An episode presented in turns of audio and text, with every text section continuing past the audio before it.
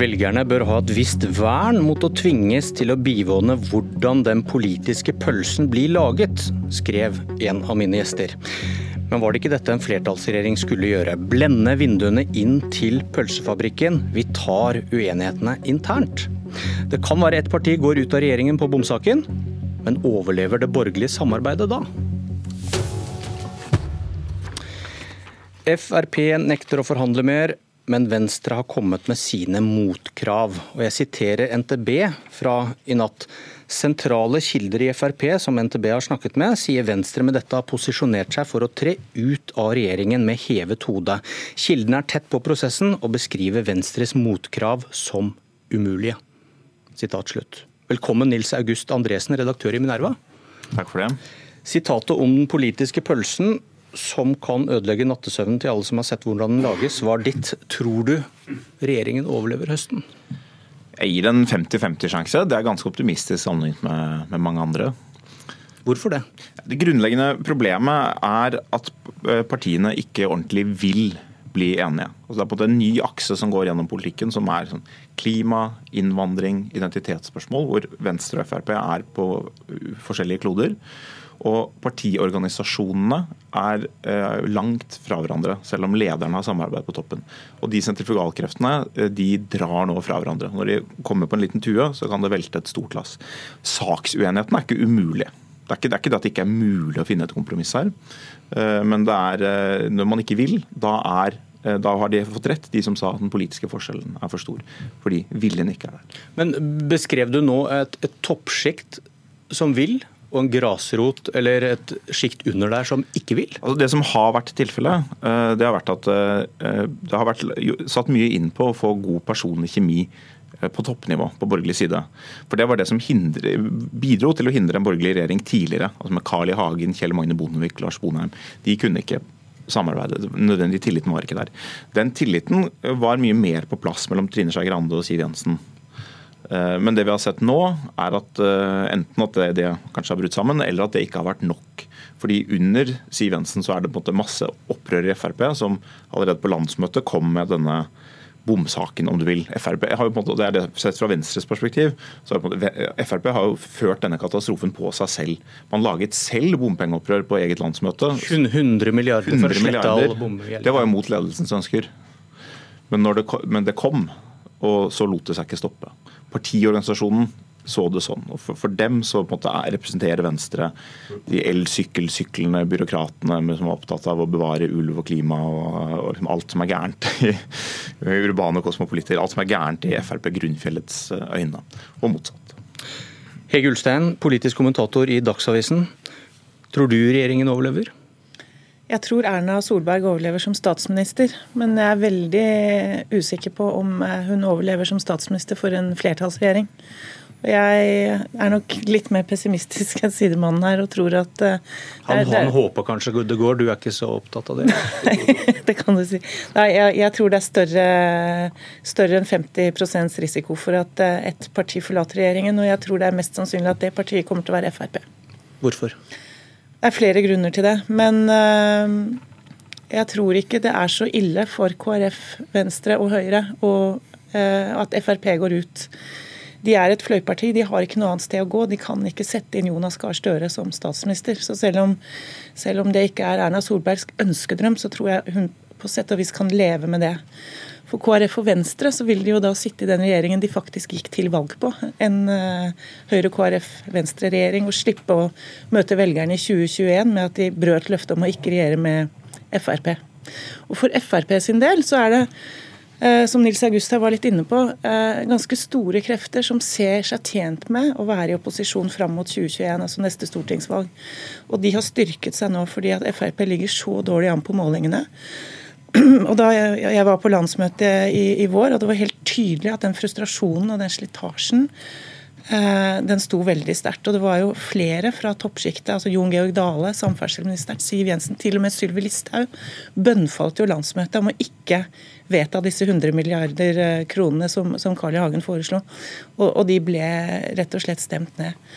Sånn at um, Og det er det som, inne på det samme som Andresen sa, at de blir, kan bli stemt ned igjen, på en måte? At de blir presset til å uh, gå ut? Eh, det kan hende, men, men jeg tror også eh, altså Frp er litt sånn i samme situasjon som SV var på slutten av den rød-grønne regjeringen. og Det er mange i SV som nå i ettertid tenker at kanskje burde de gått ut av den regjeringen et par år før stortingsvalget i 2013 for å styrke seg i opposisjon. De valgte å ikke gjøre det, og de ble jo nesten utradert ved det stortingsvalget. De, det var jo så vidt de klarte seg over sperregrensa. Og det, det, er mye rasjonelt i at Frp nå går ut og velger å bygge seg opp fra en opposisjonstilværelse fram mot eh, 2021 selv om kanskje toppsjiktet ikke ønsker det. Og Du ser jo også den måten Siv Jensen spiller på i denne saken, med konfrontasjoner, nekter å delta i forhandlinger, sier at vi er ferdig, vi har denne avtalen, ikke noe mer. Det, ikke, det virker jo ikke som hun er desperat etter å finne en løsning som gjør at dette kan fortsette, for øyeblikket. Magnus Takvam, vår egen politiske kommentator. Tror du regjeringen overlever? Jeg vet selvfølgelig ikke det. Og det, er, det, har gått så mange måneder nå med den samme eh, forhandlingsprosessen uten at man, man, har kommet til en løsning. Så det, det vil være veldig dumt å ikke ha, eh, ha, det som en mulig konklusjon på det hele. Og det, ser, det ser, kjempevanskelig ut å bli enig slik eh, man har posisjonert seg. Eh, eh, nå er jo det som kan trumfe denne konflikten og likevel føre til at det blir en enighet i siste instans, er selvfølgelig Erna Solbergs behov for å holde denne fireparti-flertallsregjeringen samlet. Det tror jeg er en veldig tung faktor, selv om hun utad på en måte eh, må tåle kritikk for ikke å ha kanskje vist nok lederskap og vært eh, aktiv nok for å, for å få de ulike aktørene på plass. Men, men bare for å ta det, hvis kan hun bestemme det over et Fremskrittsparti som vil ut da? Altså Min vurdering i den sammenheng akkurat nå er at eh, eh, hvis det ender slik uten en enighet, eh, så er tankegangen i Frp selvfølgelig at det er opp til statsministeren å bestemme. Det, det, det sier seg selv. Det er, ligger i statsministerens men, men Kan hun bestemme at dere skal fortsette i regjering? Nei, men De mener da at det er ulogisk. Slik de leser situasjonen, så er det Frp på en måte i forhandlingsprosessen som har godtatt en skisse som Høyre også har godtatt. Og da å si at Frp må ut, og Venstre, som ikke er enig i den skissen, må, må fortsette, er, er liksom eh, ikke, ikke politisk logisk, ifølge de Frp-erne jeg har snakket med. I hvert fall. Vi, vi får se. Men det, i det ligger det jo også at um, i Frp er det ikke Eh, entydig slik at man i øyeblikket vil ut eh, av eh, regjering. En annen ting er om det kommer til å skje eventuelt etter et dårlig kommunevalg, men det er i hvert fall sånn som jeg leser situasjonen nå. Altså, vi får ta argumentene for at det ikke nødvendigvis ender galt, selv om det ser ganske mørkt ut akkurat nå. Og Det er på en måte noe av det Magnus sier her. at Det er ikke sikkert at Frp ønsket å gå ut. Eh, det kan også hende at de på en måte forsøkte å spille høyt, at de trodde Erna ville kunne presse Venstre på plass gjennom denne strategien. Så lyktes ikke den strategien så, så, veldig godt, i hvert fall. Eh, men hva er det som kan tale for at partiene finner den viljen til å komme til enighet? Fordi det, det er i ganske stor grad viljen det står på. Og det er Hvis du ser på de ulike partiene, så er det for KrFs del så det som kan tale for at de vil gå ut, er at kanskje man kunne lege liksom, noen av sårene etter den vonde prosessen de har hatt det siste året. Men KrF ønsker først og fremst ro, og veldig mange KrF ønsker seg flertallsregjering. Fordi KrFs gjennomslag er i stor grad avhengig av en flertallsregjering. Det, sånn. det, får de ikke som eh, Det blir vanskeligere. Det får de ikke sånn de kan få gjennom alle de sakene som, som eh, Hege og Dagsavisen liker å rase mot. Da må de ha flertallsregjering. Og så er det For FrPs del så er det måte det store nederlaget ved å gå ut. Det er, det er mange veldig gode grunner for at de kan styrke seg i opposisjon, eh, men det store nederlaget er at Frp, Frp har måte brukt 40 år på å bygge en troverdighet på at ja, vi kan sitte i regjering. Og Hvis de nå går ut på denne saken, så blir det litt sånn Nei, vi klarte det ikke likevel. Eh, og Det kan både skade FrPs troverdighet på sikt, men det kan også skade det borgerlige samarbeidet på veldig lang sikt. Og For Venstre så er det litt at hvis det ender med fall nå, så vil for mange så vil Venstre få en rolle som en slags spoiler. Det var deres skyld at det gikk gærent. For Venstre, Venstre opplever nok det som veldig urimelig. At Frp tenker, de tenker vi har fulgt prosessen, vi har, vi har støttet dette utkastet.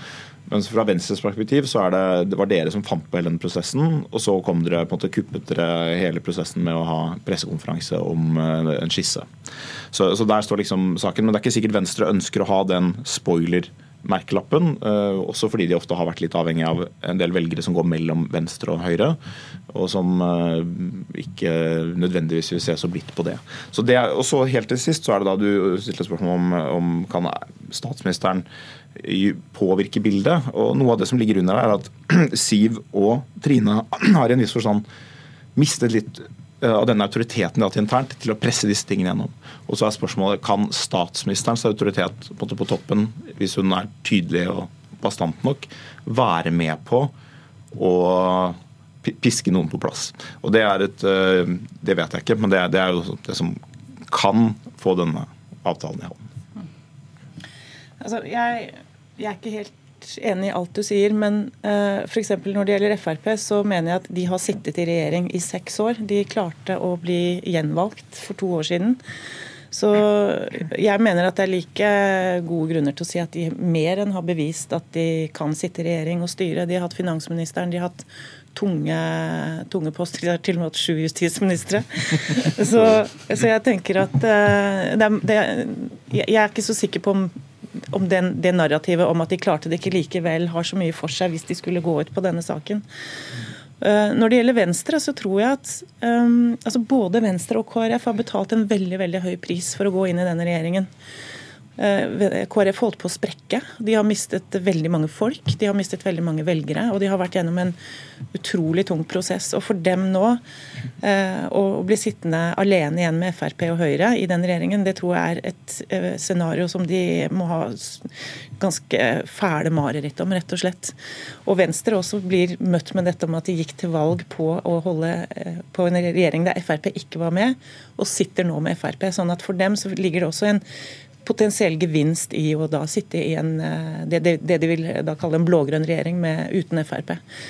Altså, Som et bakteppe her som, så er det greit å minne om at denne flertallsregjeringen kom til i en prosess som statsminister Erna Solberg ikke ledet, på en måte. Det var KrFs linjevalg som som jo, som mange husker, eh, ble gjenstand for veldig kritikk. Nettopp timingen ble gjenstand for kritikk fra Erna Solberg sin side. At man gjorde et sånt valg liksom, midt i en valgperiode. Ergo så, så har eh, hennes strategiske mål om en flertallsregjering liksom blitt presset på henne eller kommet uten hennes egen styring.